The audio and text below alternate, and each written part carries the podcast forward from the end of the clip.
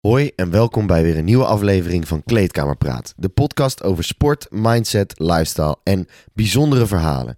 Met deze week Emiel, de walking soldier. Hij vertelt in deze aflevering hoe hij Madagaskar, een land vol gevaren, te voet heeft getrotseerd. En dat ging niet zonder gevaren.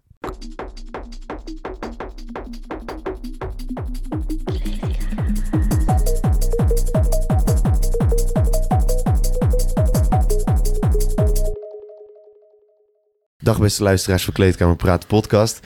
Eh, deze week weer een nieuwe aflevering. Ik zit hier eh, met wederom een heel bijzondere gast. Iemand die gelijk met een glimlach binnenkomt lopen. Ik heb zo gevoel dat dit een fucking grappige en leuke aflevering gaat worden met een bijzonder verhaal.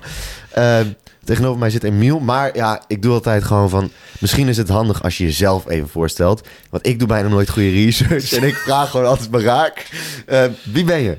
Nou ja, ik ben Emiel. Ik ben 36 jaar. Ik zeg altijd, ik kom uit de mooiste stad van Nederland, uit Groenlo. Ik ken het de meeste niet, maar ik vind het de mooiste stad van Nederland. En ik uh, werk voor Defensie. Ik heb in verschillende rollen gewerkt. Sinds 2004 werk ik daar. Momenteel werk ik op de communicatieafdeling en recruitment.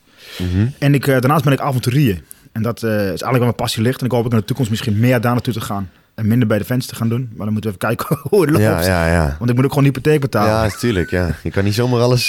je kan alleen maar op avontuur gaan. Nee. Ja, jij hebt mij een bericht gestuurd inderdaad van... nou, je, je hebt iets gedaan op de plek waar, uh, ja, Madagaskar. Ja, daar ben je nou, naartoe geweest. Dus een van de dingen die uh, je, die je avontuur hebt beleefd. Daar gaan we zo meteen even naartoe werken. Ik ben heel benieuwd naar dat verhaal. Um, allereerst, hoe oud was je, zei je? 36. 36. En hoe oud was je toen je begon bij Defensie? Ik was 17 toen ik bij Defensie begon. Het kon niet jonger, volgens mij. Oké, okay, dus je bent gewoon direct ingestroomd. Je wist altijd al dat je bij Defensie wilde? Of, ja, uh... ik wist dat ik bij Defensie wilde en ik, had, uh, ik was niet zo'n held op school. Oké. Okay. Dus uh, ja, dan is dit de oplossing. Ja, ja, ja. En dan ging je bij Defensie en waar ja. stroomde je dan in? Ik, stond, ik, ik ben begonnen in Ermelo in de, in de opleiding. En ik heb bij verschillende onderdelen gezet. En lang bij de logistiek gezet. En nu dus bij recruitment en Okay. Ja, communicatie. Ik okay. doe de social media van de landmacht bijvoorbeeld, Instagram en dat nice. soort dingetjes. Nice.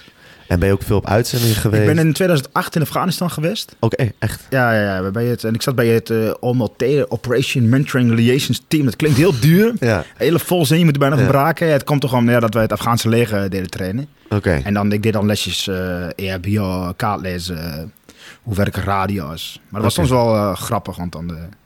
gingen we zeggen, uitleggen hoe de radio werkte. Dat je er de volumeknop op zat. Maar dan gingen hun gewoon hard schreeuwen door de, door de radio, weet je wel. Shit you not. Dus er was wel, de leercurve was wel uh, groot bij die gasten. Het was een wilde veld, dus ze hadden echt hekel aan de Taliban. Dus op zich was dat wel... Uh, wel een bijzondere ervaring lijkt me dat om ja. daar geweest te zijn. Hoe lang ben je daar geweest? Uh, bijna zes maand, vijf en een halve maand uit mijn hoofd zo'n beetje. Ik zat in de zomer. Dus dag één kom ik binnen, hadden we nog twee regendruppels. En toen Mhm. mm. vijf en een halve maand werd het alleen maar warmer, warmer, warmer tot 50 graden of zo. Mm -hmm. Toen kwam ik terug in Nederland. Kijk, dat ging niet aan.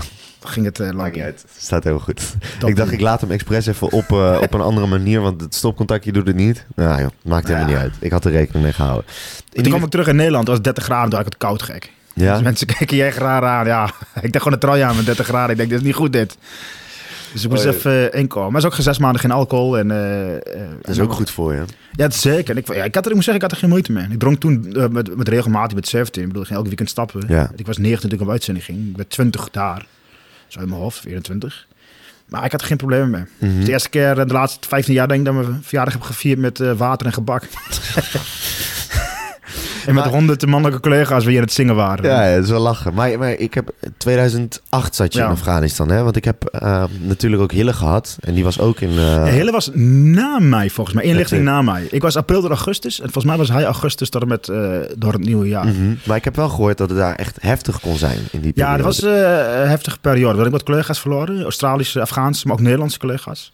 Je had destijds dat de, de baas van het Nederlandse leger werd generaal van Num. En zijn zoon was met ons op uitzending. Ja? En hij werd op maandag of dinsdag de, baas van Defensie. En een dag later uh, overleed zijn zoon in Afghanistan. Oké. Okay. Okay. En volgens mij twee dagen later zat hij op de nationale televisie het overlijden van zijn eigen zoon en de, de collega aan te kondigen. Zo, kende jij hem ook persoonlijk? Nee, ja, ik, ik wist wie hij was. En ik, ik ken hem van, uh, van de omgang, maar ik ken hem niet persoonlijk of zo. Dus, uh, maar dat, dat is wel een van de redenen waarom ik ben begonnen met uh, reizen en avontuur gaan maken. Mm -hmm. Maar toen was ik er niet zoveel mee bezig. Maar ik was later, als ik erop terugdenk, denk ik wel van... wat wil ik nu echt in de leven, weet je? Want ik had echt letterlijk met één klap voorbij zijn. Want hun zijn op een bergboom gereden. Ja. En uh, toen was hun was het leven in één klap voorbij. dacht ik, oh, wat wil, wat wil ik nu eigenlijk? Toen heb ik gewoon voor mezelf echt een bucketlist gemaakt... van dingen wat ik wil doen voor mijn dertigste en zo. En een van de dingen was reizen. Mhm. Dus toen ben ik, eh, kwam ik terug van de, de uitzending. Toen zei eh, de defensie van, ja, je moet naar eh, de militaire school, de leidinggevende wat. Ik zei, nou, ik wil eerst reizen. Dus zei ze, ik ga eerst maar een half jaar reizen. Onbetaald verlof genomen. Zes maanden naar Australië gegaan. Maar dat is wel lekker, want niemand in Australië als backpacker heeft geld, behalve ik. Want ik kwam net terug van de uitzending. Ja, Dus ik had ook gewoon een toeristenvisum. Ik kan eerst een werkvisum. Ja, Oké. ja, opbokken met het werken. Ik denk, ik ga dan gewoon moet je daar eerst een half jaar of zo. Ik heb gehoord dat je dan eerst een maand op een farm moet werken of zo. Ja, vaak is het in Australië, dan, dan, dan, dan werken ze op een boerderij, aardbeien plukken, drie weken. En dan kunnen ze weer twee weken reizen. Of Waarom, waarom is dat zo? Nou, de mensen geen geld hebben. Die backpackers gaan erheen, die zijn student. Die kunnen net een vliegticket betalen. En dan moet je eigenlijk werken om te overleven. Ah, oké. Of ze werken halve dagen en dan ben je in de middag altijd vrij. En dat is voor dat bedrijf natuurlijk lekker. Want je hebt gewoon gratis arbeiders. Ja, hele Eh, goedkope krachten. Ja, kosten in woning eh, ligt met 30 man in een hok. ja, maar ja, het wel centen. Dus ja, eh, voor precies. het Ja, voor mij maakt het er niet zoveel uit. Dus ik kon surfen, reizen. Ik heb alles gedaan wat de vinger van God verboden heeft. En eh, ik surf mijn tijd behalve drugs. Ja, het was echt een fantastische tijd. Ik heb echt het maximale daaruit gehaald. Eh, ik, ik heb eh, weet ik veel, mensen uit de ziekenhuis gesmakkeld omdat ze de rekening niet konden betalen. En zo, ja, dat is toch live. Als ik daar nu op terugdenk, dan denk ik echt, dat is allemaal niet handig. Maar ja, was wel vet. Ik heb wel eens het gevoel dat het een hele leuke aflevering gaat worden. Maar je bent dus, je bent dus altijd al, je bent avonturistisch ingesteld. Ja, Ehm, en eh, kijk, ik, heb Robin Imtor ges- gesproken, die ken jij ook. Ja. Nou, die, die doet echt extreme shit. ja. Vijf marathons achter elkaar. Dat ik denk van, nou, wat de fuck ben jij nou weer allemaal aan het doen? Eh, jij hebt eh, iets heel bijzonders gedaan. En dat is Madagaskar te voet overgestoten. Ja. Gewoon gelopen. ja, ik ben ooit begonnen. De- de- de- waar, waar ben je? Ja, Ja, inderdaad. het, het wandelen is ooit begonnen. Ik keek toen Huberto Tan. Zeg maar de eerste keer voordat hij ontslagen werd. Daarna kwam hij weer terug. Maar Ja, de eerste keer eh, toen hij genaaid werd de RTL. De eerste keer toen zei iemand op Twitter zei van... Geen 4 mei voor mij. Die wou dus niet herdenken. Maar wel eh feest op 5 mei. Dus ik dacht van... Ja, wat is dat voor fucking wa wazig wijf. ja. En dat was een van de kunstenaarstypetje. Maar hartstikke leuk en aardig. Maar zij zei, je had ook met Hitler kunnen praten. En ik dacht, nou, volgens mij moet je even terug de geschiedenisboeken in. Maar toen dacht ik, hoe kan ik aandacht vragen van 4 en 5 mei... Waar we, hoe we de jeugd er kunnen betrekken? ja. En ik dacht, dat doe ik via social media. En dan ben ik in, eh, van het strand van Arnhem, of het strand van de Omaha Beach in Normandië, ja. naar de brug van Arnhem gelopen. Een beetje twee historische punten van de Tweede Wereldoorlog. En dat heeft best wel veel media-aandacht gekregen. RTL Nieuws, eh eh, NOS Journaal, eh, Want Pub eh, 1. waarom ben je per se vanaf Omaha Beach? Ga, en daar dat, zijn natuurlijk de geallieerden geland met D-Day. dat is het idee. Ja, ja, ja, ja. Dat is de plek van D-Day. En de, de brug in Arnhem is zeg maar waar de Operation Market Garden is geweest met de Ja, parachutisten in Arnhem. ja, ja. Airborne. Ja, airborne, ja, exact dat. Dus ik dacht van, nou ja, dat was 600 kilometertjes. Zeg, nou, dat doen we in een maand. Nou, dat was prima. En ik kreeg heel veel media-aandacht. Dus iemand tegen mij, wat ga je hierna doen? De fucking Burma spoorlijn lopen. Toen dacht ik, oh, dat is De, wat? De Burma spoorlijn. Daar hebben je dus ook in de Tweede Wereldoorlog gevochten. Oké. En dat is in eh, Thailand en Burma. Daar hebben veel eh, mensen vanuit die regio ook gevochten. Er zijn er 6000 Nederlanders, 6000 volgens mij overleden. Oké, Ja, echt? Ja, ik ze- wist niet dat er tijdens de Tweede Wereldoorlog ook in Thailand gevochten Ja. werd door Nederlanders. Ja, Dat wist ik niet. ja, en in, eh, het, is hele, het, het is een hele film over gemaakt. The, Oké. Bri- The Bridge over the River Kwai in de jaren 70 is op de Oscars gewonnen. En te zeggen dat voor elke meter eh treinspoor is iemand overleden. Zoveel Oké. mensen zijn overleden, want dan moesten dwars door de jungle in en zo. Dus. Het is een beetje een onbekend verhaal. Ja, Veel van de Indische Nederlanders weten het wel. Dus ik dacht van, dan kan ik daar ook aandacht vragen. Want toen ben ik dus die eh, afstand gaan lopen. Tot aan de grens met eh, Burma. Want Burma was niet veilig. Maar wel echt door de jungle heen en zo. Want dat is 500 kilometer. Dus dat was wel live. En toen had ik het helemaal te pakken. Hè? Maar hoe, hoe, hoe kan je überhaupt gewoon 600 kilometer in een maand lopen, ouwe? Ja. Wat- wat- wat- maar- dat is wel een stukje wandelen, Ja, ja. maar hoe train je daarvoor? Ja, kijk, dat, dat is wel een beetje een oeuvre. Want ik vroeg ook eh, op het werk van eh, hoe kan ik even trainen, het beste voorbereiden. En ik merk nu na veel lange afstanden dat ik voor mij persoonlijk, ik moet mijn eh, voeten hard maken noemen, we dat is veel lopen. En dan een paar keer blaren lopen, dat het hard wordt, dat je eelt krijgt. En daarna is het gewoon onderhouden. Want je kan, het probleem is, wandelen is ook saai. Hè? Dus als ik moet trainen, bijvoorbeeld ik ging eh anderhalf duizend in eh, Zambia lopen, komen we zo wel op. Anderhalf duizend dat was ook lijpe shit. Maar dan moet ik dus trainen, maar dan moet ik in mijn eigen tijd trainen. Mijn training was heel veel uren, dus ik ging s'nachts om vier uur weg met de rugtas om. Maar ja, ik hoor de achterhoek, jongens, vijf keer langs het weiland. Dan ben je er echt wel een keer klaar mee, s'nachts Ja, om vier uur in de regen, weet je wel. En dan ging je weg en dan keek je bij je arm en dan zag je zo'n rode piek. En denk je, de tyfus. ja. Dit wordt een hele Dus, lange... jij, dus jij traint eigenlijk door gewoon te lopen? Ja, door het te doen. En het is wel veel eh, met de rugzak lopen ook. Dat is waar mensen veel moeite mee hebben, ook binnen Defensie. Waarom is dat zo lastig? Ja, met rugzak lopen is het is een beetje onnatuurlijk. Dus als jij 20, 30, 40 kilo op je rug gooit. Ik loop meestal met tot 20, 30, tussen 20 en 30 kilo. Dat is echt veel. En een gewichtsvest heb je nog aan de voor- en aan de achterkant. Maar de rugtas alleen naar achter. Dus je hangt heel erg naar achteren. Dus wat je veel gaat krijgen is mensen voorover gaan lopen. En dan krijg je dan scheenbeenvliesontsteking, heet dat. Omdat je heel veel druk op je schenen krijgt omdat je voorover loopt. Beetje de standaard blessure bij Defensie. Oké. Je krijgt schuurplekken op je schouder, op je heupen. Je huid gaat gewoon kapot. Dus je moet het gewoon even een paar keer doen. En vaak doen. En als je het vaak doet, weet je hoe je de tas moet pakken. Hoe je moet gaan bewegen. Hoe je het moet verdelen. En kijk, en, en mensen hebben altijd de illusie dat het geen pijn gaat doen. Maar met een rugzak lopen doet altijd zeer. En zeker als je 30, 40 kilometer op een dag gaat lopen. Ja, dan, eh, Zo de tering. dan eh, gaat het wel eh, mis. En als je er helemaal in bent, ja, dan gaat het wel lekker. En dan krijg je natuurlijk wel de klimatologische omstandigheden waar je heen gaat. Dus ik ging naar Zambia in de, in de, warmste maand. Zo onder augustus, of, eh, oktober, september ongeveer. Ja, toen was het echt 30, 35, 40 graden. gegeven. Ik liep gewoon met de rugzak. En ik sliep bij mensen thuis. Hè, dus ik kon Volle bepakking ook. eh, ja, tussen de tw- 20 kilo had ik ongeveer. En dan kwam er af en toe met water bij en zo. Dus Maar- ik, heb, ik heb stukken gehad dat ik gewoon bij... Ik, was, ik begon bij de bron van de Zambezi rivier. Dat ligt op de grens met Congo. En vanaf daar ben ik helemaal naar beneden gegaan langs, het, eh, langs de landgrenzen. En dan eh, tot aan Victoria Falls. Ja. En ik sliep gewoon met mensen thuis. Dus ik kwam gewoon aanlopen in zo'n dorp. En er was helemaal niks. Dus die mensen hadden ook, was met de coronatijd, ook soms al twee of drie jaar lang geen blank persoon gezien. Dus die gasten gingen dan mijn huid aan raken en zo. Kijken of het wel helemaal eh, goed was. Dus die kinderen, voor die kinderen was dat eh, heel raar. En dan zeiden dat Muzungu, Muzungu. En dat was bleekscheid. Want dan kwam er een bleekscheid het dorp in. Dan liep het hele dorp uit. Ja, was echt lijp. En dan moest ik aan die dorpsoudste gaan uitleggen wat ik aan het doen was. En dan zei ik van, ja, ik eh, ben aan het wandelen. Hij zegt, ja, dat geloof ik niet. Dus moest ik foto's laten zien van die dorpen waar ik voor was geweest. Hé, hey, dat is mijn broer, zei hij dan. Ja. En dan zei hij, oh, je mag wel bij ons komen blijven slapen. En dan sliep ik of gewoon bij hun thuis in zijn hut. Of ik sliep op een school of eh, wat, wat ze ter plekke hadden. gingen ze eten van me maken en zo. Echt vet aardige mensen. Wat bizar. Ja, alleen hun hebben dus niks. Hè? Dus het, ik zeg altijd, hoe, hoe armer ze zijn, hoe aardiger ze zijn.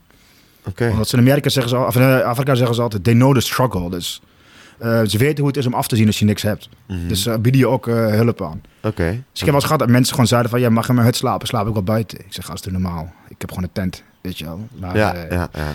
maar ik heb daar ook in de vijf sterren hotels gelegen. Die vonden mijn verhaal zo mooi. Die hoorden mijn verhaal. Ze zegt, die belden me op. Wat bizar. Ja, Maar je, je doet het... Kijk, het hele ding is... Je, je, je doet dit om bewustzijn te creëren voor... ja, dat waren de eerste twee tochten. waren echt om bewustzijn te creëren. Ja. Voor eh 4 en 5 mei. En eh, toen ik naar Afrika ging, wou ik voor mezelf gewoon avontuur. Mensen ontmoeten. Ik vind Afrika een beetje het laatste pure continent. Het is echt eh, te veel stereotype beeld dat het straatarm is en, iedereen honger heeft. Maar dat is natuurlijk ook niet zo ten alle tijden. Je hebt toch hele ontwikkelde gebieden, maar er zijn ook hele arme en gevaarlijke gebieden. Veel wild, eh, wilde beesten nog. Ja, Dus eh, dat was ook een lijp in Zambia, wilde beesten. Poh. ja, ja, dat snap ik wel. Maar dus nu is dat meer voor jezelf. Ja, Ehm, maar merk je dat het wel bewustzijn heeft gecreëerd? Of merk je... zeker. Zeker die, eh, die eerste twee tochten eh, werd ik daarna heel veel op, gevraagd van scholen, basisscholen om langs te komen. Via social media veel berichten gehad, eh, veel in de media geweest. Dus ik denk dat uiteindelijk het Twitterberichtje wat die, hè, dat linkse kunstenares typetje had gezegd Ja, van geen ja. 4, 5 mei.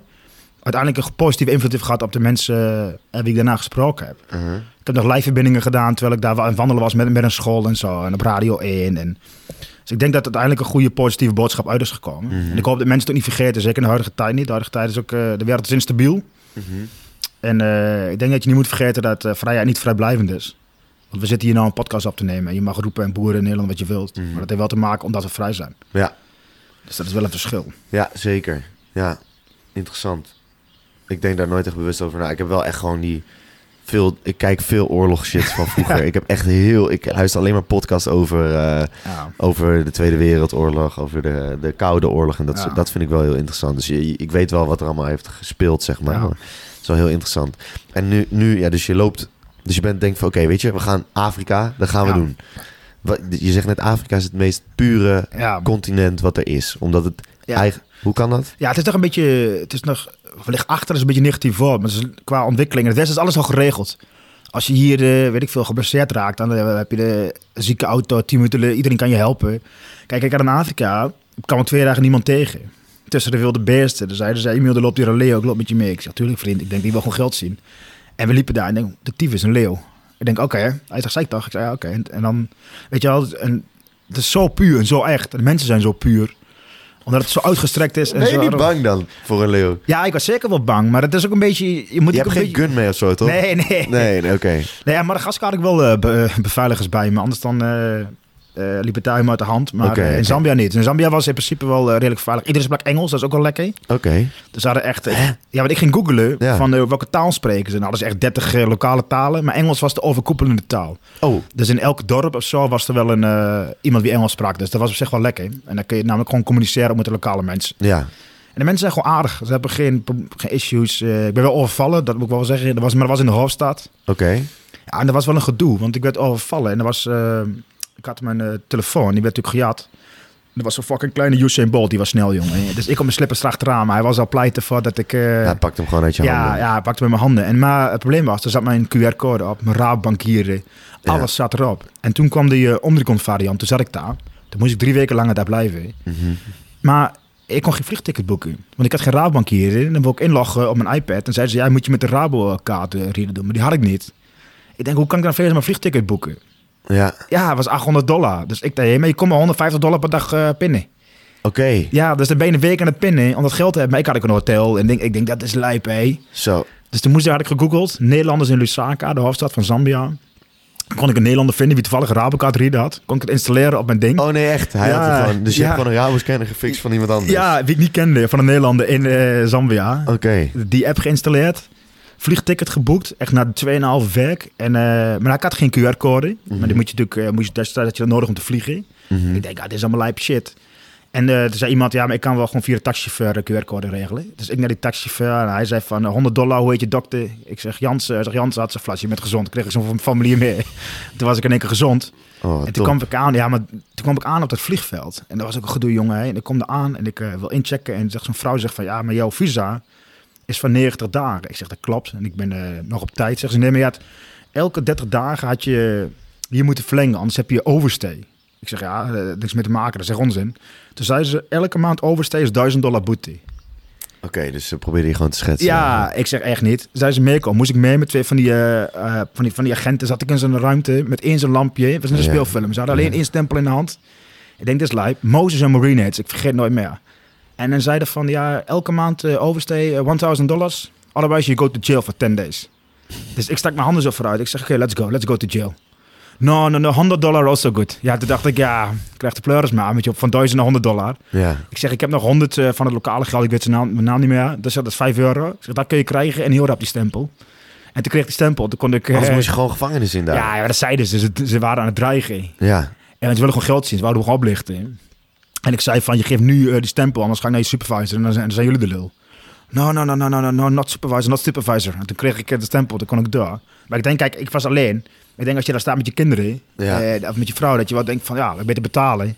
Ja, dan kan okay. niet naar huis. Want er was ook nog de laatste vlucht, anders zat ik weer nog drie weken langer, want die fucking Afrika was afgesloten om terug te vliegen. Oh ja, ja, ik ga binnenkort naar Vietnam. Dat wordt mijn eerste echte reis. Ik, ga oh, met, ik heb duizenden tips, ja, Vietnam is lijp. ik, ga, ik ga met, vier met drie vrienden, gaan we met, gaan met z'n vieren gaan we naar Vietnam. Ja. En uh, dat wordt de eerste keer dat ik überhaupt buiten, uh, dat ik, dat ik Azië zie. Dus dat wordt echt iets heel raars. Ja, dat wordt echt lijp. Waar ga je heen? We beginnen Ho Chi Minh of begin je Saigon? Ja, we beginnen Ho Chi Minh. Ja, en hoe, hoeveel werk heb je? We hebben vier weken. Ja, oh, de, ja, kijk, daar heb je eigenlijk twee opties in mijn optiek. Okay. Dat is of met de, met de trein. We hebben een trein van Zuid naar Noord. En dan Ja. heb je hop-on, hop-off. Dan kun je elke, elke trein kun je instappen. Stap je bij de volgende halte uit. En dan staat de taxi klaar. Geen ding. Of je gaat een brommetje huren daar afkopen. Mhm. En dan uh, kun je gewoon naar Noord rijden. Dat is ook lijp, jongen. Met z'n vier op zijn brommen, rugtas om. Ja, jongen. Dat is echt bonkenlijp. Ik kan je wel vertellen. Ja, is dat niet fucking gevaarlijk? Nee, jongen, je moet even zijn rijbewijs halen in Vietnam. En dan kun je gewoon zitten en er staan antwoorden op het bord boven die examinator. Daar vul je alles in. En dan heb ik, dan koop je zo'n brommetje en die verkoop je weer in, uh, in het noorden. En dan heb je echt de meest lijpe trip ever. Back, Ja? Backpacken till the max. Het is een Ja? veilig land. Het is, echt, het is een gruwelijk mooi land. Is het echt veilig, ja? Ja, ja, ja, het is veilig. Ze spreken Engels. Dus dat is ook Ik heb het gevoel dat ik gewoon in één keer eh, gepakt ga worden of zo. Nee, man. jongen, nee, jongen. Ja, ligt eraan wat je doet. Kijk, als jij een vier uur s'nachts ergens in de hoerenbuurt eh, niet gaat betalen, dan... Ja, eh, ja. Ik ben niet van plan om naar de hoeren te gaan. Nee, Dat maar dan heb je issues. dan heb je Die issues. papaya is dat Ja, toch? Hoe heet dat? Het, hoe heet die? Zo'n strandje. Ja, ja dat, dat is Thailand. Ja, dat is. Thailand, ja. Dat- dat- is Thailand. Dat kun je geen, maar dat is, dat is net anders. Tussen al die oude, oude, ja, oude blanke mannen. Ja, dat is op TikTok is dat zo'n trend. Dat is, dat zijn allemaal van die Thaise vrouwen. Die zitten dan allemaal op een, op een rijtje. Ja, van die chimios met zo'n Ja. ademsappel Ja, en zo'n ja, grote ja. handen. Dat weet je ook nooit, toch? Of het, of het een man of een vrouw is. Nee, nee, nee. Dan moet je kijken naar ademsappel in de handen, zeggen ze altijd. Hè? Ja? ja, dan kun je zien. of het Ben je er allemaal- ooit ingetrapt? Nee. Ik neem het risico ook niet. je moet ook gewoon niet proberen. Je moet gewoon...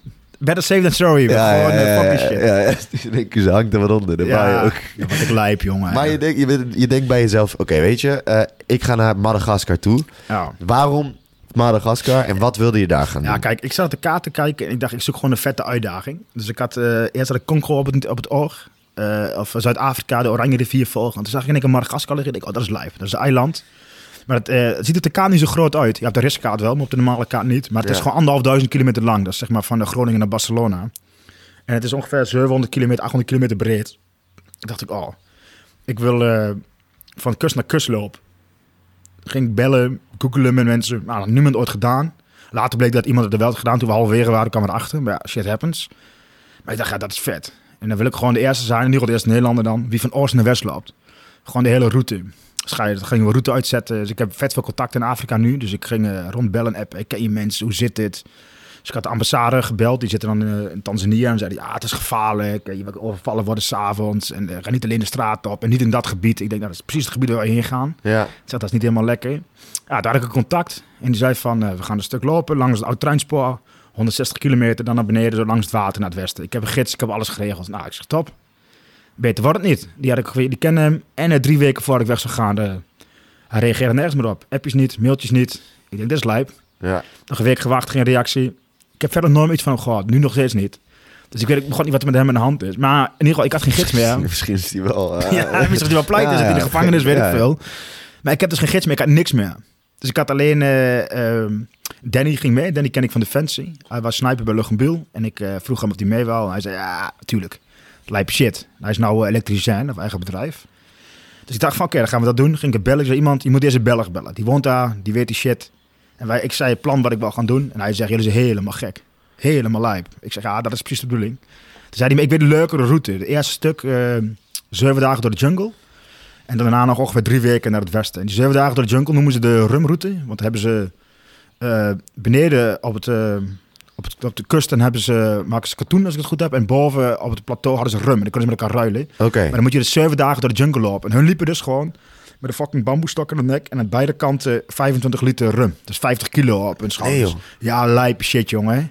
Dat doen ze gewoon... Ja, dit is dagelijks. Gewoon op en neer. Hun, met, het stuk dat wij in zeven dagen deden, deden hun dus in drie dagen met dat gewicht. En wij hebben er uiteindelijk zes dagen over gedaan, maar die gast ging hard, jongen. Ja? Ja, Jemig. lijpe, lijpe shit. Maar dan gingen we, we kwamen daar dus aan. Komen we aan, hadden we KLM, allemaal gezeik. Tas komt niet aan. Ik denk, dat is kut, jongen. Hè? Wij bellen, ja, ligt nog op Parijs, vergeet hem mee te nemen. Komen we drie dagen aan. Maar dan moet je dus je hele trip, alles uitstellen. De gids, het vervoer, alles moet uitgesteld worden. Betekent ook drie dagen minder wandeltijd.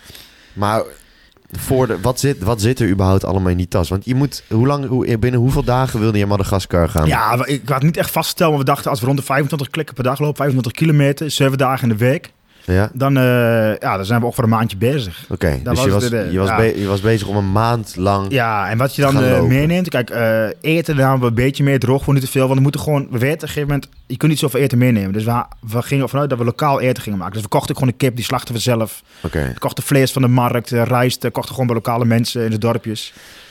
En eh, qua uitrusting was het, ja, we noemen de rugtas, je tent, dat zijn de belangrijkste dingen. Je slaapzak en je matje, dat is het belangrijkste. Twee paar schoenen. Eh, ik had twee blouses, twee broeken, een stuk of zes boxershorts, zes paar sokken.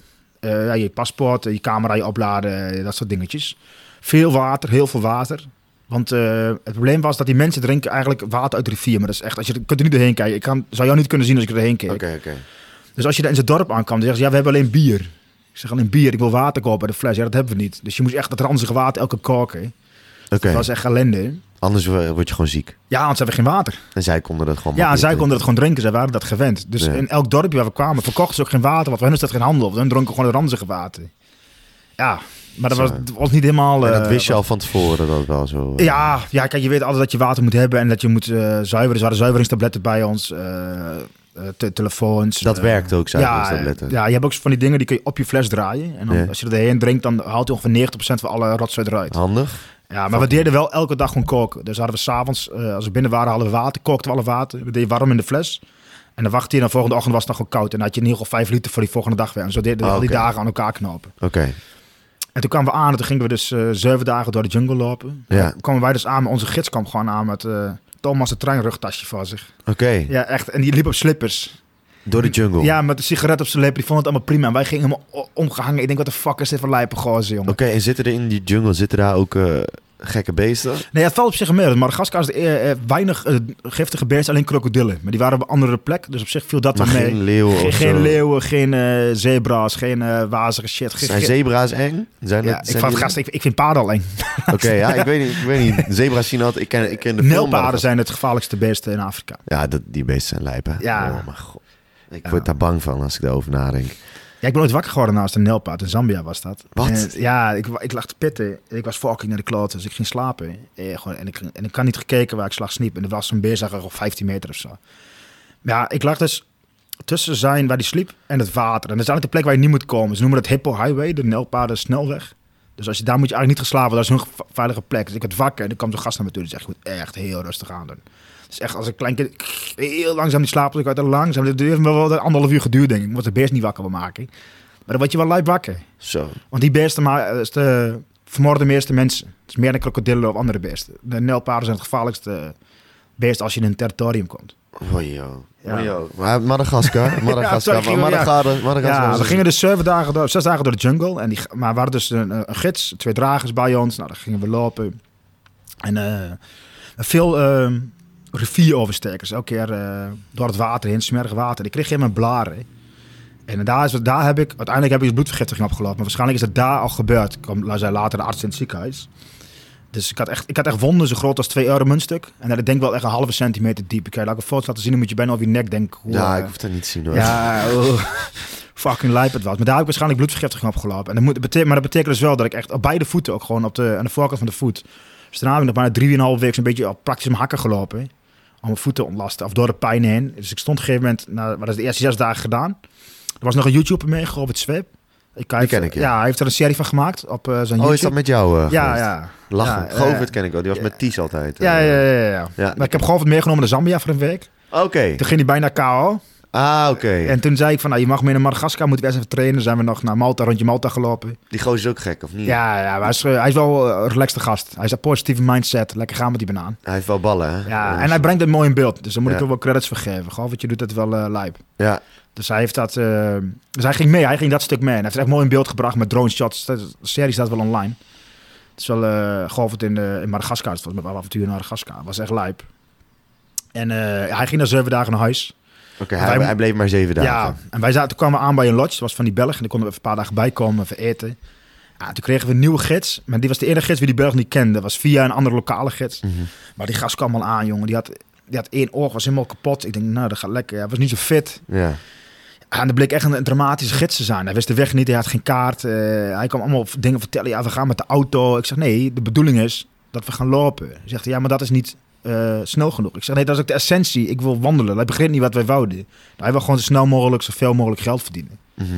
Ja, en toen gingen we lopen en dat hebben we eh, ja, een aardig stuk gedaan. Maar kwam, het was echt wel echt diep, diep Afrika in. Diep, diep Madagaskar in. En in het begin was het echt nog wel prima. Op een gegeven moment eh, kan die... Kan Ligt die Madagaskar in Afrika? ja, Zuidoost-Afrika. Ligt aan de rechterkant naast Afrika. Ik Dus- dacht dat het... ik dacht dat het bij Australië in de buurt Nieuw-Zeeland lag. Mm, mm, mm. Nee? Ja, als je Afrika hebt, je hebt Zuid-Afrika. Maar dat is bij Risk is dat toch wel zo? dat Nee, daar ligt de rechterkant van Afrika bij Risk. Ah, oké. Oké. Oké, dus je hebt Afrika Ja. en dan rechts onderin, Ja, daar zit het ja, Oh, Oké, oké. Daar is het, ja. Oké, ja. Nee, dan heb ik het helemaal verkeerd. Ja, ja daar zet je de continentje naast. Ja, ja. Een klein beetje. Klein Oceaan. beetje. Ja, kleinigheidje houden je. Maar in ieder geval, je was daar, die gids, die daar. gids was helemaal gek. Ja, die gids die, die snapte er niet zoveel van. Uh, maar op kwamen de mensen naar ons toe en die zeiden van ja, je moet oppassen. Ik zeg oppassen. Ja, op twee kilometer bij jullie vandaan zijn er mensen geëxecuteerd. Ik denk, oh, dit is lijp shit. Twee kilometer is niet zo ver, vriend. Oké. Dus ik zeg tegen die gids... Maar eh, waar- ja, wat ja, ik was... zou je zo vertellen hoe, hoe dat kan. Ik zeg, wat, de fuck is dit voor een gauw? En hij zei van, ja, ja de bliksem staat er niet twee keer op dezelfde plek in. Dus het gevaar is wel geweken. Ik zeg, dat is een lekkere theorie als je daar, Ja, eh, ja, ja. Als je daar bent. Ja. Maar ik vroeg dus, hoe kan dat? Maar dat blijkt dus, in Madagaskar hebben ze, eh, ze leven veel van vee. En je hebt ook één stam, dat noemen ze, dat zijn een beetje de, de veedieven. Dus die stelen het vee van de boeren. En daar leven ze van. Maar die, die boeren hadden dus aangifte gedaan bij de politie van, hey, is gestolen. En dan zijn die veedieven een dag later teruggekomen en hebben ze die gasten geëxecuteerd. Oké. Ja, dus dat is wel echt lijp. Oké. En, en wij gingen dat gebied ook in. Ik denk, nou, dit wordt nog... eh dit Moet je nog je eens- voorstellen dat je gewoon eh, daar leeft... Ja, En dat je dan gewoon denkt van... Oké, kut, mijn dieren zijn gestolen. Ik ga aangifte doen bij de politie. En de volgende dag word je gewoon vermoord. ja, Wow. Ja, maar het werd, het wordt nog veel lijper. Dus we waren aan het lopen daar. We gingen echt dagen achter elkaar. Maar je moet je voorstellen, als we gingen straks om zes uur weg, want ik kon de zon op. Ja, en om één uur was het echt 30, 35 graden. Ik kon niet meer lopen. Dus nergens schaduw. Het was gewoon droog, dor, open. Als we één boompje tegenkwamen, dan was dan de plek om tegenaan te gaan zitten en om eh, eh, de schaduw eh, te nemen. Maar onze gids wist de weg niet. Die ging bij elk dorp vragen, moeten we hier rechts of moeten we weer links? Ik denk, gast, je bent een gids. Je bent fucking geen tolk. En later bleek dat hij niet veel weg was. We waren de Garmin ook, gewoon met GPS. Zeggen, we moeten echt naar Noordwest. En niet naar het, we gingen naar het zuiden, we gingen de verkeerde kant op en zo. Maar in het begin denk je nog, misschien moet je nog om een berg heen of zo, weet je wel. Maar na drie dagen verkeerd lopen, dan denk je wel, hé hey, vriend, we gaan die kant op. Toen die ook, uh, I will follow you. Ik zeg, lekker. Dat, de gids, dat wij de gids moeten gaan vertellen wat hij Ja. moet gaan doen, weet Ja. je wel. En op een gegeven moment zeiden ze, ja, we moeten vanaf nu eh, beveiliging hebben. Ik zeg, beveiliging, ja, anders, anders worden wij overvallen. Dus kregen wij twee van die jonge gasten mee. Van die ja, 15, 16 fitte lui jongen. Maar met een wapen, een jachtgeweer bij zich. Allemaal munitie bij zich. We zeggen lijp, die liepen met ons mee. En die liepen dan voor en achter ons. En die gingen dan de, de route checken of er geen andere mensen waren. En eh, die kwamen dan ook uit de buurt. Dus bij elk dorp waar we waren kregen we twee nieuwe beveiligers. Die kenden iedereen in de buurt. Want dat stuk waar we toen liepen, dat was redelijk midden en westen Madagaskar. Zeiden ze van ja, eh, hier is geen politie. Hier is de overheid niet de baas. Mhm. Dus ik zeg maar wat als iemand een ander vermoordt, wat gebeurt hier dan? Ja, dan verdwijnt hij. Dan is Mhm. er geen rechtszaak, niks. Ik denk, oh lijp. Oké. Dus we kregen die eh, beveiligers mee. Dus dan wordt het al een tikkeltje spannender. Maar ik had dus nog heel veel last van mijn blaren en zo. En ik, ik merkte ook dat ik steeds minder fit en, eh, en, en, en fit werd. Ik werd steeds verrotter. Elke dag 25 kilometer Ja. lopen, dat is eh, Ja, minimaal. We hebben, ook, we hebben ook een dag van 45 gehad en zo door de bergen heen. Dat was ook een lijpe dag. door die omstandigheden. Ja. En eh, we kwamen er aan, jongen. En, oh, ik werd slechter en slechter. Op een gegeven moment zeiden we van... Ja, we moeten deze dag eh 60 kilometer, eh, 50 kilometer hemelsbreed. Dus dan heb ik gewoon de lijn trekken met Google Maps. Naar, moesten naar Bimavo. Vergeet de plaatsnaampje nooit meer. Dus ik zei van, nou, 50 kilometer hemelsbreed doen we de vandaag 20 en de volgende dag 20. Dan is het goed. Maar we deden ti- 15 of zo. En die gids zei, ja, hier moeten we pauze houden. We moeten stoppen, want er is hierna geen plek meer voor vers water. Ik zei, nou, oké. Is natuurlijk kut, want dat betekent dat ik dag na 35 hemelsbreed moet. Dat is dus 45, 50, eh, Mhm. gewoon en dat door de berg. En we gingen geen met sloom. We gingen nog maar 3,5 km per uur. Want ik kon niet sneller meer wandelen. Mhm. Terwijl ik normaal echt 5, 5,5, 6 loop. Ben het dubbel zo hard. Dus hadden we afgesproken, we gaan om half vijf ochtends weg. Dus wij om half vijf ochtends weg. Eten.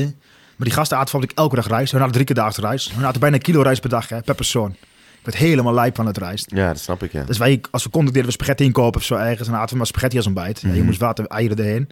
En we gingen lopen, lopen, lopen. En dat duurde lang. En door de bergen, jongen. En op een gegeven moment eh, waren we met z'n tweeën. Er werd donker. Toen zei ik tegen Danny, ga jij met de gids eh, vooruit? Blijf ik met eh, een van die andere beveiligers blijven achter. En dan lopen jullie voetsporen. En dan zien we jullie in het plaatsje bij Mavo. Dus Danny kwam daarom... Waarom neer. zou je opsplitsen?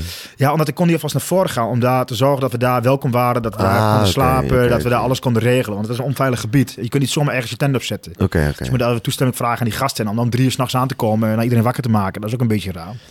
En misschien een rare vraag, hè, maar ik kan me niet voorstellen hoe, dat, hoe, hoe, het, e- hoe een dorpje eruit ziet. Ik kan me ook niet voorstellen hoe de mensen zijn die in het dorpje wonen. Wat voor kleding hebben mensen? Ja, het is eh, een beetje afhankelijk van waar we waren. Maar echt midden in West-Madagaskar is het echt heel arm. Dus je komt echt letterlijk aan in eh, huisjes van, van die rode muren en rieten daken. Ja, oké. En, en sommige huizen hadden echt vier, hu- vier huisjes, vier do- dorpen. Dat dit zit. Oké. En dan wonen mensen die hadden daar geen t-shirt aan, alleen een broek of helemaal kapotte kleding. Niet vaak wel- allemaal naakt of zo? Nee, nee, wel vaak kleding die ze voor- uit Europa hebben gekregen. Dat ze een oud shirtje van Manchester United met een gat eraan. En, Ah, of, oké. of ze hadden hele traditionele kleding aan. Oké. Maar, eh maar kinderen die bosvoeding kregen was gewoon eh, openlijk. De vrouwen liepen dan gewoon eh, bloot en namen die kinderen bosvoeding. Dat is een beetje Ja. hoe je er tegenaan kijkt natuurlijk. Ja, ja. Wij doen er heel schijnheilig over, maar het is natuurlijk ook gewoon is menselijk. hartstikke, ja, dat, Ja. zeker. Zeker. Dus maar meer kunnen- gewoon van, ja, ik, Ja, dus het was als heel, ik het heel heb arm. over, als ik in mijn hoofd heb een stam in Afrika, dan denk ik al gelijk van, oh, wat fuck, hoe zit het dan precies in elkaar, Ja. weet je wel? Ik kan me echt... Ja, maar echt zo'n stereotype beeld wat je hebt van de stam in Afrika. Dat soort dorpen kwamen we ook tegen. Oké, oké. En soms zaten er wel, eh, ze hadden veel zonnepaneeltjes op het dak. Dus hadden ze een beetje stroom. Oh, ze hadden wel zonnepanelen. Ja, soms een heel, heel kleintje. Dan hadden ze een klein radiootje. Of een radiootje met een zonnepaneeltje eraan. De hele dag muziek. Dus eh, ze waren wel... En ze, hadden, ze leefden bijna allemaal van de landbouw. Dus eh, ze hadden een zeeboer, een soort eh koestierachtig beest. Daar hadden ze vaak 21 kippen, water uit de rivier. En daar leefden ze van. En dat, dat deden ze. Maar er was geen mogelijkheid voor hun om rijker te worden. Nee, ja, dan moet je haast naar de stad. En dat, dat is echt dagen reizen voor hun. Dus er zit, er zit ook wel weinig toekomst in Ja. om jezelf echt te ontwikkelen. Vaak gaan ze ook naar school en ze moeten dan verplicht de basisschool doen. Maar in die regio's daarna kunnen ze al niet meer verder, want dan is de school vier uur verderop. Ja, ja. En dan houdt het alweer op natuurlijk. Dus ze blijven een beetje in die visuele cirkel zitten van ehm, ja, dat ze leven. Aan de andere kant, ze leven wel gewoon hoe ze willen leven. Ze hebben eten, ze hebben drinken, ze kunnen leven. Ja. Roken ze daar allemaal? Eh, nee, maar er zijn zeker mensen die roken. Ze roken niet allemaal, maar er zijn zeker eh, mensen die roken. Hoe de fuck kom je daar aan peuken dan? Ja, ja, maar al die dorpjes hadden ook vaak zo'n klein, klein huisje. En dan vroeg je, heb je wat te kopen? Dan hadden ze een fles cola of wat sigaretten. Of wat. En dan wachten ze gewoon dat mensen een keer langskwamen om dat te verkopen. Ik kocht een cola wat twee jaar over datum was. Maar ja, ik dacht, fuck dat. Ik had zin in cola, gek na zes dagen water. Kreeg je buikpijn? Oh, jongen, ik heb die hele fles in één keer, ja, anderhalve liter of zo. Dat was een gek. Ja, dan ga je wel... Ja, eh, maar het is allemaal warm ook, hè. Het, het hebben geen koelkast. Het is tuurlijk. fucking lauw. En soms gaven ze ons ook bier. Dan namen we dat bier mee. Maar dan denk je s'avonds drinken. Is het gewoon bier gewoon warm. Sowieso lijkt het me heel kut om de hele tijd te gaan zuipen daar. is het. Ja. Want je bent gewoon de hele tijd bezig met presteren. Ja, daar is het. het is, dus het was ook echt alleen maar water, rijst, kip, eh, vis wat ze hadden. En als we dan de kip deden, die gasten aten alles. Hè. Dus ook ingewanden en die shit allemaal. Dus wij zeiden, nou, wij doen gewoon alleen het vlees. Heb je echt eh, dingen gegeten waarvan je denkt, oh, dat was echt heel lekker? Ik heb zeeboe gehad. Zeeboe, dus, ja, dat is koe. Dat was, dat was echt heerlijk. Ik Mhm. Ja? vond het echt fantastisch. Zeker in de hoofdstad hadden we be- betere restaurantjes. En dan zeiden we, zeeboe meat, jongen. Oh. Ja, is dat dan... eh, ja, zo, dit is pepersaus overheen en zo was lijp, jongen. Dat was echt lekker. Gewoon een soort van eh T-bone steak achter. Ja, ja, echt. En een groot stukje of groot, net wat je wou. Ja, het was echt goed. Met veel vet eraan. Ja, alles, ja. Dat klinkt goed. Ja, dat- maar het is ook Nou, heerlijk. misschien toch maar een keertje naar Madagaskar. ja, ja, ja. Ik zou niet de stukjes doen wat wij hebben gedaan. Nee, oké, maar je, je loopt daar, je hebt last. Die, eh. Danny ging vooruit. Ja, die kwam bij dat dorp aan. En het dorp heette Bimavo. En het was net eh Pirates of the Caribbean. Iedereen daar droeg een wapen. Iedereen van 15 jaar en ouder. Ze zaten allemaal te roken, allemaal bierpullen en zo. Ik denk, was de verlijpen shit hier gek. En hun kwamen er dus aan. Ze vroegen van, kunnen we hier slapen? En eh, kunnen we hier blijven? En zeiden ze, dat kan allemaal niet. Het was allemaal heel moeilijk. Maar toen kwam ik daar, wat, ik kwam daar dus wat later aan, helemaal verrot. En het bleek achteraf dat ze al uiteindelijk wat geregeld hadden. Er was een vrouwtje naar hen toe gekomen en ik, ik zag haar. Ze zat helemaal vol getatoeëerd, ze had ze jurk aan.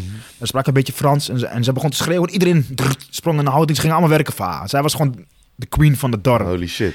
En zij zegt, kom, kun bij mij slapen. Dus zei, oké, lijp. Dus wij naar boven daar. Had ze niks stroom. Dus we hadden gewoon stroom. We konden alles opladen. Alle telefoons waren al tien dagen leeg. We hadden tien dagen geen internet. Dus alles opladen. Eh, oh, dat was lijp. Ik was heel blij van dat we dat hadden. En eh zegt ze, ja, hier heb je eten. Rijst, kip. eh, kregen we rum, bier. Oh, dat was lekker, jongen. We kwamen elf s'avonds aan. En hij zegt, ja, we hebben een bed. Maar dat moet je een beetje zien als het echt... ze had een kamer liggen. Maar ik was echt... De gevangenis in Nederland is, is beter. Je voelt die veer in je rug zo, weet Ja, je wel. ja. Dus dat- Maar maakt niet uit. Dus ik ging lekker pitten. En in één keer hoorde ik gestommel op mijn deur. Ik denk, wat is dit je? Was Danny dat? Ik zeg, wat doe jij dan? Ja, we hebben wel met z'n tweeën één bed. Ik zei, oké. we dachten dat we twee kamers hadden. ja, ja, ja. Ja, prima, mochten we daar slapen. Daar hebben we acht uur daar geslapen. En eh, die vrouw heeft mijn voeten nog verzorgd en zo. En, eh, Wat? hadden- ja, ja, die zei, je hebt mijn voeten lag helemaal open. Zij zegt, het is allemaal niet goed. Kom ze aan met zijn bak met water, met, met schone middelen. Dat was echt wel lekker. Waarom, waarom, ik snap niet waarom ze dat doen. Omdat ze zo super aardig zijn. Omdat ze gewoon relaxed zijn. En ze waren echt chill. En zij had dus blijkbaar 200 of 300 zeeboes. Dat was, voor hun begrip was zij super rijk.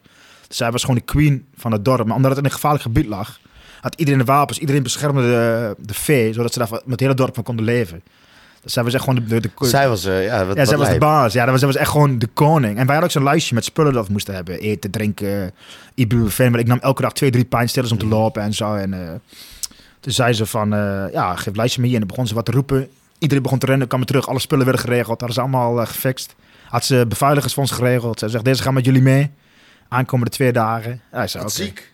Ja, dus toen gingen we met die beveiligers verder. En toen eh, liep ik verder. En Gewoon soort, dus je komt aan, ik zie het helemaal voor me gewoon. Je komt aanlopen in een dorp, je ziet allemaal mensen met wapens gewoon staan. En er Ja. komt één gekke queen die komt Ja. zeggen, houding.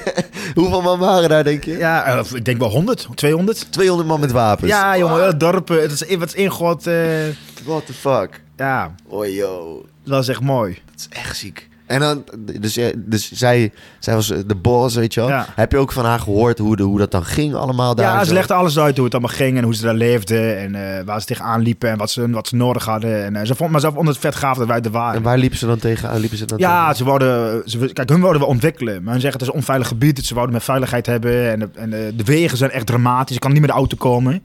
Dus je moet of met, met zeeboekart, dat is gewoon zo'n zo'n kar met, dus met die beesten ervoor, die stieren ervoor. Of wandelen. Dus hun waren echt gewoon vier, vijf wandeldagen weg van, eh, van de bewoonde wereld. Oké. Eh, ja, ik denk, jezus man. En ze had niet, er waren niet mensen geweest die echt haar, haar vee probeerden te, te Nee, killen nee, maar ja, zo? ja, ik denk in het verleden wel. Daarom was iedereen ook bewapend. Ja, en ja. iedereen zorgde voor elkaar. Ja. Dus ja, het was echt Pirates of the Caribbean, jongen. Je liep er, ik dacht, wat is dit gek? Ja, ja, dat kan ik me voorstellen. Holy allemaal wapens op de schouder, allemaal lang En ben je dan nooit bang of zo? Want ik kan me ook voorstellen als je in, in, in hartje Afrika zit en je bent alleen, eigenlijk met Ja. z'n tweeën. Ja. En ja, ik bedoel, kijk, als iemand jou wil nakken, dan Ja, kan dat gewoon, ja, toch? d- Ik Dan bedoel, was, dan was het wel klaar, ja. Je mag dan misschien wel bij Defensie nee, zitten. jongen, dan en was het al lang klaar. je kan wel een paar tikken uitdelen Nee, misschien jongen, en ook wel nee. ontvangen. Maar iemand die zet gewoon een wapen op je kop ja, dat en is het klaar. Dan Ja. was, ja, dan is het klaar, ja. Ben je daar nooit bang voor dan? Ja, nee, ik geloof wel dat de meeste mensen deugen. Dus ik denk wel dat de meeste mensen eh, goed zijn. Ja, ze voelden goed aan, ze legden het uit. Ze, ze regelden zelf beveiligers voor ons. Dus ja, ik denk van ja, Ja, nee, maar... soms, soms moet je wel een risico nemen. Ja, ja, dat is sowieso over het algemeen. Maar het klinkt natuurlijk... Ja, Nee, het is wel maar één iemand dus Ja. zitten met verkeerde intenties. in. Absoluut. en je hebt nooit in al die, al die reizen die je hebt gedaan... nooit zo die richting meegemaakt of zo. Ja, ik heb wel eens gehad dat ik dacht van, wow, dit is niet goed. Bij eh, militaire post in Zambia werden we het staande gehouden. Ik denk, joh, dit is niet goed. Gas kwam er allemaal uit, allemaal klasnikovs in de handen. Ik denk, nou, daar gaan we. En dan, eh, ga, ik, ga, ik rook helemaal niet, maar ik ga van een sigaret en dan breek je het ijs een beetje. En ik begon een beetje te praten. En, eh, en dan liet, je, liet ik iets van mijn eten zien en ik tikte op de ruit dat ze het eten wouden hebben. Dus dan gaf je ze wat bananen en wat eten en wat geld. En dan eh, kon je doorrijden. Maar ik dacht wel van, ja, als je niks bij je hebt, dan eh, of je komt niet verder, of eh, ja, het is niet helemaal goed hier, denk ik. Ja, ja, zijn ze in Vietnam ook zo? eh? Nee, ja, ja kijk, kijk, corrupt is een groot woord, maar eh, Vi- Vietnam is wel beter geregeld. Maar ik was in Thailand een beetje hetzelfde als Vietnam. En ik moest mijn visum bijvoorbeeld verlengen. En dan moest ik terug naar Bangkok en allemaal gedoe. Maar ik kon ook bij zijn kantoortje. Dus ik gaf gewoon mijn paspoort af met 50 dollar erin. En ik kreeg mijn paspoort terug zonder die 50 dollar, stond er een tempel in. Weet je, en al- en als je dan de eerlijke douanier tegenkomt die zegt van ja, wat is even gauw 50 dollar. Oh, zeg je sorry, had ik niet gezien, eh, wist ik niet. En ik kun je altijd nog naar Bangkok. Maar ja, zo, je, je, je kijkt elkaar aan, dan knik je. Ja. En, eh, mijn visa was verlengd en zij Ja. is 50 dollar rijk. Hè? Ja, En eh, geen haan willen naar kraait. Vroeger in Thailand deed ik altijd, eh, ik ben vaak in Thailand geweest, deed visa runs. Ik ging naar, naar een ander land, net de grens over, kreeg een stempel, ging weer terug, mocht je weer 90 dagen. Zo noemen ze visa runs. Dus je mocht 90 dagen in Thailand blijven. Dus ging net de grens over en weer terug. Dus je moet je voorstellen, als je in Nederland 90 dagen mag blijven, dan rij je naar België, dan rij je Nederland weer in, krijg je weer een nieuwe stempel van 90 dagen. Ja, ja. alleen dat mag niet meer, want ze willen natuurlijk een beetje geld verdienen. hè. ja. Ja, ik snap ja het dat wel. snap ik ook wel. Maar oké, hij ging voorop eh, je, en je hebt daar nog geslapen. Heerlijk Ja. geslapen. En toen gingen we verder en eh, we liepen daar. Ging maar liep een beetje je eigen tempo. Danny liep ietsjes vooruit. Ja, ik kon niet meer, jongen. Stortte in. Ik ging gewoon naar de grond. Boom. Gewoon tegen de vlakte. Ik kon mezelf niet meer omhoog. Ik had gerucht als mijn in een stok. Dus ik Mm. duwde mezelf omhoog. Tweede keer, ja, boom, ben naar de grond. En ik was bij Danny en ik zei, eh, het is klaar vriend. Ik ben af. En dan was op ongeveer 100, 150 kilometer van de finish. Ze waren er al bijna 600 op zitten of zo. En hij gaf mij wat eten en wat drinken. En ik kotste alles uit, jongen. Dat was echt niet Had goed. je bloedvergiftiging? eh? Ja, dat wist ik dus. Toen wist ik niet wat ik had. Maar dat, dat, ik dacht of malaria of bloedvergiftiging. Maar ik kon sowieso ook geen tabletten binnenhouden. Dus Danny ging eh, hulp halen. Die gids zei, vijf kilometer verder of zes kilometer verder is een dorp. Kun je de zeeboekar terugsturen. Kan, ik, kan je gewoon iemand achterin. Rijden we drie dagen naar de plaatsje Morondova. En dat is een eh, grote plaats met een ziekenhuis en zo. En met een vliegveld. En vanaf daar kunnen we dan wel weer alles checken. Ja, Danny sprintte die kant op. Vijf kilometer, niks. Dan was het 13 kilometer. Dat zat die gids er even 13 na. Dus dan moet je je voorstellen dat je 5 kilometer vol gas sprint. Maar de hartslag was 200. En dat er niks is en dat je nog 8 kilometer moet. Zo. Ja, dat is ook een mentaal ding. Dus hij ging 8 kilometer verder. Maar eh, toen de gids niet meer bij was, we hadden altijd één vaste drager. En die gast begon één keer vet irritant te doen, of hij niet meer mee begreep en zo. Dus hij moest alles uitleggen dat die zeeboek moest komen en dat we moesten gaan. Ja, en eh, die gids zei tegen mij, ik lag daar dus nog. Ik kon, ik kon niet eens rechtop zitten. Ik lag op de grond, ik kon niet meer zo recht overeind krijgen. En hij zei van, ja nee, over zes uurtjes eh, is die zeeboekkart hier, kun je achterin. Ik zei, nou prima. Zes uur later, tent ingepakt, alles ingepakt. Niks. De hele nacht gewacht, helemaal niks. Maar we hadden ook geen contact met Danny. Ik denk, wat is dit je? Volgende ochtend niks. En dan was het echt tien uur s ochtends, kwam hij aan. Eindelijk een zeeboekkast. Ik hè hè. Dus ik achterin. Danny was naar het volgende dorpje gelopen. Want ik zei van, dan zien we je daar. Maar wij zijn sneller met die kar die jij kan wandelen. Dus wij met die kar rijden, ik achter in die kar en die stuit het daar en die door dat ding heen. Nou, er is ook één beveiliger mee en één zo'n oude gast wie die kar bestuurde. En naar de kilometer, ik flikker zo naar links, jongen, hele wiel eraf. Ik denk, dit meen je niet. Ja, Dus die gasten lachen, ding omhoog, wielden we erop. Maar dan deden ze gewoon met de houten keg zetten ze dat wiel vast. Echt zo eh, amateuristisch. Ik denk, oké. Nou, wij rijden drie kilometer verder. Bandlek. Ik denk, yo, dit is niet goed. Dit is band eraf en dit is allemaal gras erin. Het kost een uur, er is allemaal gras erin in plaats van de band plakken. Gewoon helemaal vol met gras, van het droge gras. Nou, dan kunnen we rijden. We kwamen bij het volgende dorp uit. We gaan uh, zeeboek uitwisselen. En zei die gids zei vijf minutes. Maar dat was dus 4,5 uur de lange duurde. Oké. Ja, maar dat zit ik dus te wachten. En als je de gids pleit is, en ik versta die mensen allemaal niet. en je moet kotsen. de Ja, en ik kon helemaal niks. Ik viel ook weg. hè. Ik was gewoon buiten West af en toe kwamen we terug en zo. Dat was echt niet goed. En ik had geen contact met Danny, want die was een dorp verder. We hadden we geen, er was een telefoonopvang, dat was wel kut. Dus ik die zeeboekart in naar het volgende dorp. Was Danny alweer één dorp verder. Best wel groot plaatsje. Zei, oké, dus ik kwam er aan. Maar wij stopten net voor dat dorp. Maar dat wist ik niet. Het was midden in de nacht. En mijn gids was pleiten, dus ik werd wakker. Niemand meer. Lig ik in mijn eentje in Madagaskar. Achterin een kar. Wie ze naar voren was, die fucking zeeboes waren er ook vanaf gehaald. Die moesten natuurlijk eten langs de kant van de weg. Maar ik was op 100 meter van, eh, van het dorp, maar dat wist ik niet. En ik hoorde allemaal stemmen, jongen. En mensen die naar me toe komen. Ik denk, ja, dadelijk word ik hier geëxecuteerd. En toen was ik dus wel echt bang. Ik denk, dit is echt lijp shit. Dit is niet goed. Maar ik had een stok, dus ik begon om die stok omheen te slaan, zijn stem horen. Dan sloeg ik al die gasten voor het gezicht, maar dat bleek dus kinderen te zijn. Wie aan het kijken waren, wat die gekke blanke eh, in die bak deed. En in één keer komt die, komt die gids eraan schreeuwen wat ik aan doen was. Zeg, wat ik aan het doen ben? Ik zeg, wat ben jij aan doen, je gek? Ik zeg, waar ben jij dan? Ja, ja, ik was even weg. Ik zeg, even weg, je bent al vier uur weg. Ja, ja, even. Ik zeg, even. Ik zeg, die wordt hier midden in de nacht wakker, jongen, met al mensen om me heen. Nee, nee, we zijn 100 meter van het dorp. Ik zeg, dat had je ook even kunnen zeggen. En wat de- kostte die gist nou? Voor de... Ja, zo'n gids eh, betalen we, eh, ik denk een eurotje of 25 per dag voor, Oké, omgerekend. oké. Dus we, we hebben dan een talle maanden gids gehad, zeg maar. Dus eh, ja, nou, dikke ruzie met die gids. Ja, en dan zei hij, nee Emiel, de auto, we hebben, ik heb een auto geregeld, die komt morgenochtend, die haalt ons op. Nou, hij zei, goed. Nou, je kunt het raden, zag om zes was er geen auto. Wat bleek die? Had hij gewoon die eh, gast geappt van, dan moet hij hierheen. Maar ik zeg, heeft hij ook geantwoord? Nee, nee. Ik zeg, hoe weet je dan dat hij weet dat hij morgen moet rijden? Ja, dat komt wel goed. Maar die man had leest natuurlijk s'nachts om zes uur. Moest je nog diesel regelen, had een lekker band, moest hij nog regelen. Dus die was pas om tien uur bij mij, terwijl ik om vijf uur dus zou zijn en om tien uur bij Danny zou zijn. Dus Danny was eh, in een dorpje verder, waar ik contact. Ik zeg, die auto komt eraan, wij komen. Dus die auto kwam natuurlijk uiteraard vijf, eh, vijf, zes uur later. Ja, Maar dat was ook een wagen, jongen. Helemaal open, 4 keer 4 Zij zegt, je kunt op de bijrijderstoel zitten. Dus ik zat daar, ik had allemaal wo- wonden aan mijn voeten, grote gaten. En dat was gewoon een jerrycan diesel waar een slangetje in zat. Want die auto had geen brandstoftank. Dus als wij door, door een bult in gingen, vloog de diesel op mijn voeten heen en zo. Dat was allemaal gekut. Dat is allemaal gekut, jongen. En na, na vijf keer remmen moest hij stoppen. Ik zeg, wat is het? Ja, hij moest hij elke keer handmatig de rem losmaken. Dan bleef de rem hangen eh, rechts voor. Nou, dat was natuurlijk wel lekker. Ja, daar hadden we Danny opgehaald. En dan waren we doorgereden naar, eh naar het plaatsje Morondova. Maar de gas ging hard, jongen. Het was 70, 80 km per uur door het terrein. Ik zeg, wat is het? Hij zegt, ja, hij heeft geen verlichting. Dus we moeten voor zes uur moeten we binnen zijn. Anders kunnen we niet doorrijden. Ik zeg, het is ook een ellende dit ook. D- dus kortom, je ligt, je ligt in Madagaskar in een... ehm, In de fucking car. ja, en je bent ziek. Ja. En je bent voor vier dagen... Oh, je bent, hoe lang ben je al ja, ziek? Ja, ja, ik ben al drie, vier dagen ziek. Ik heb in drie dagen tijd ook echt amper gegeten. Een paar droge koekjes, dat was het. Alleen water gedronken en dan kwam het er wat uit. Toen moest ik wat drinken. In de auto naar Morondova. Maar daar kwam ik eh, een Franse arts tegen. Op het toeval, tropenarts. En die zei van, ik denk dat je bloedvergiftiging hebt. Die signaal heb je allemaal. Die gaf me medicijnen. En hij zei van, eh, als je niet slechter wordt, kun je beter gewoon in Nederland gaan testen. Snel mogelijk terug. En dan in Nederland eh test gaan doen. Bloedvergiftiging testen en zo. Hij zegt, want in, in Madagaskar is de kwaliteit is ook een beetje discutabel. Ja. Ik zeg, oké. Dus wij terug naar Nederland. Is dat twee dagen rijden van überhaupt in de hoofdstad was. Maar dan moest, ik, moest je ook dat vliegtuig in. Maar ik bloedde dus in mijn voeten, ik bloedde uit mijn arm. Ik heb hier Mhm. nog steeds de wonden zitten. Hier, kijk, dit is shit. Er zit nog steeds in mijn armen, gaten en zo. En eh, ja, ik kwam daar aan, jongen. In de vliegtuig er zaten mensen naast mij. Ik zei gewoon sorry. Ik bloedde gewoon mijn voeten nog. Dus ik had de handdoek omheen gewikkeld. Dus Oké, je... dus je zat in het vliegtuig te bloeden. Ja, dat ging wel open. Ik zeg, ja, sorry. Dus zei de Oh, stewardess, ga maar achterin zitten. Dan kwam ik achterin, alles ingewikkeld. En dan kreeg ik, eh, maar het enige geval dat je wel een eh, rolstoel krijgt. Dus ja, niet op eh, fucking Parijs, maar op Schiphol kreeg ik een rolstoel. Mocht ik zo, jongen, dat gaat stuk sneller. Mhm. Toen was ik eindelijk thuis en mijn ouders hebben me opgehaald en ik zag het ook uit, jongen. Ik kon niet eens meer lopen. En eh, toen had ik, had ik de, vaak defensie gebeld en de regels wel goed. En dan ging mijn collega me ophalen, gingen we naar de arts. En die arts zei, oh wat gaaf. Ik zeg, hoe bedoel je gaaf? Ja, deze wonden zien we niet vaak. Dit is een leuke uitdaging voor ons. Ik zeg, ja lekker. Mag ik de foto's maken voor de dokters app? Ik zeg, natuurlijk jongen, leef je uit. Maar ik wil graag weten wat ik heb. Dus toen ging die eh, bloed afgenomen en dat duurde een paar dagen. En kreeg je uitslag, bleek dat ik bloed, bloedvergiftiging had. Maar ik heb nog thuis denk ik nog eh, twee weken op handdoeken geslapen of zo. En ik elke dag gewoon wakker werd van bloed in mijn arm, in mijn lies, in mijn voeten, wat allemaal nog open lag.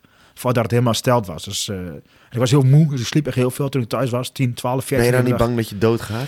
Ja, ja, in Nederland valt het wel mee. Ik heb natuurlijk eh, tabletten, eh Nederlandse ziekenhuis dichtbij. En het, het ging niet achteruit. Dus ik werd er eigenlijk wel alleen steeds beter van. Maar ik had zo'n pijn in mijn voeten. joh. Ik moest de trap op op mijn billen, weet je wel. Als je je been gebroken hebt. Maar je had niet je toch nog kunnen afmaken? Nee, dat was niet meer te doen. Ik kon niet, ik kon niet meer lopen. Ik kon niet meer recht overeind komen.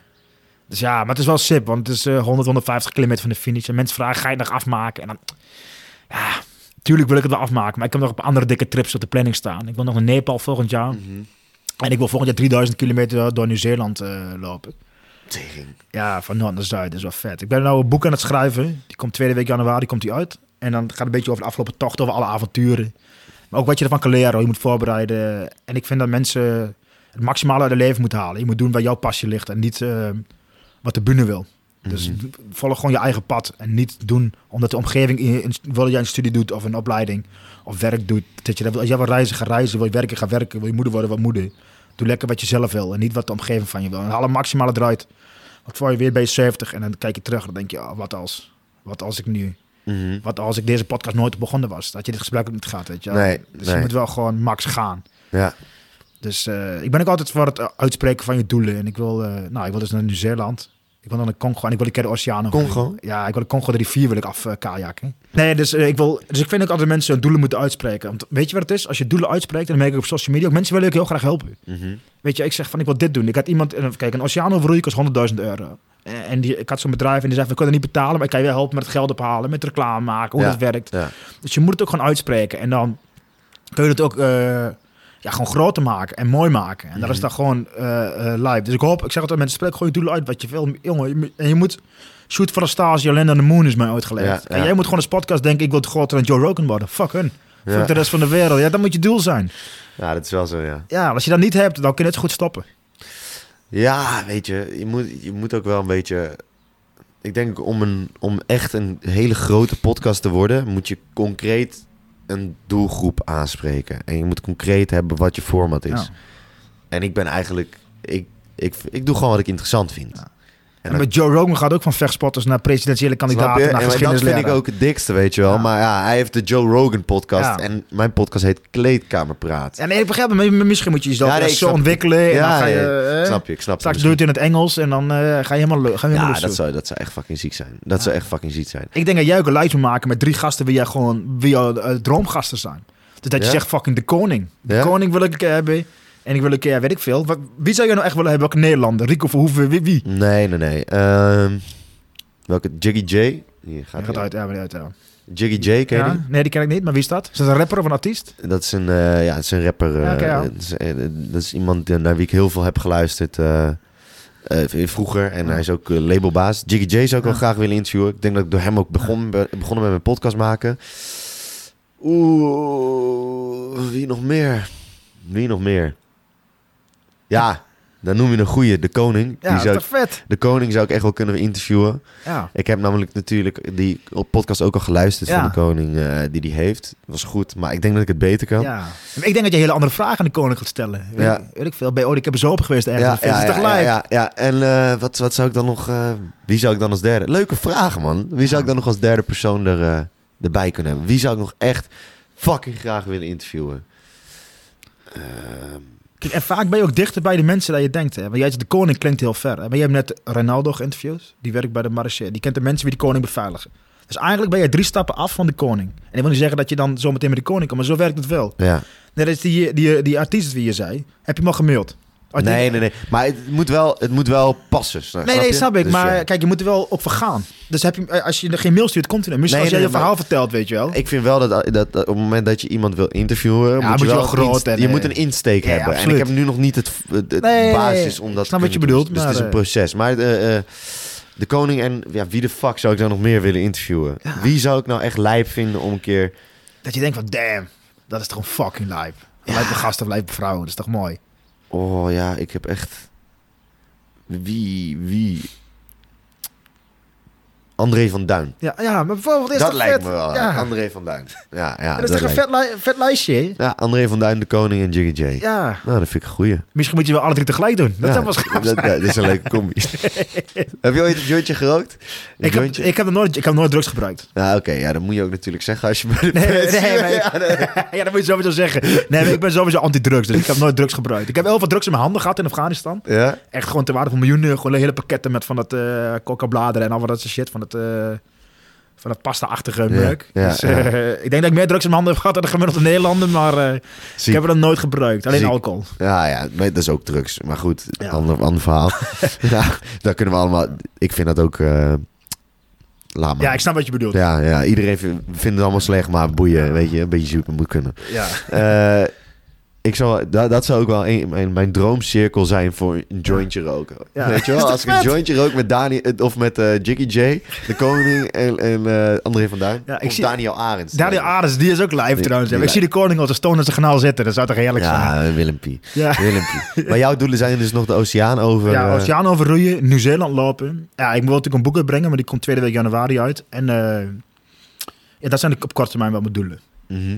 Fucking vet. Ja. Echt fucking vet. Ja, ik wil jou gewoon eigenlijk hartstikke bedanken. En eh, ik weet niet, wil je nog iets uh, allerlaatst meegeven? Je hebt het net al een beetje... Nee, ja, eh, haal het maximale uit je leven. Shoot voor de stage dan in de moon. Wees ambitieus, ga met die banaan. Fuck wat iedereen om je heen zegt. Luister naar de mensen om je heen.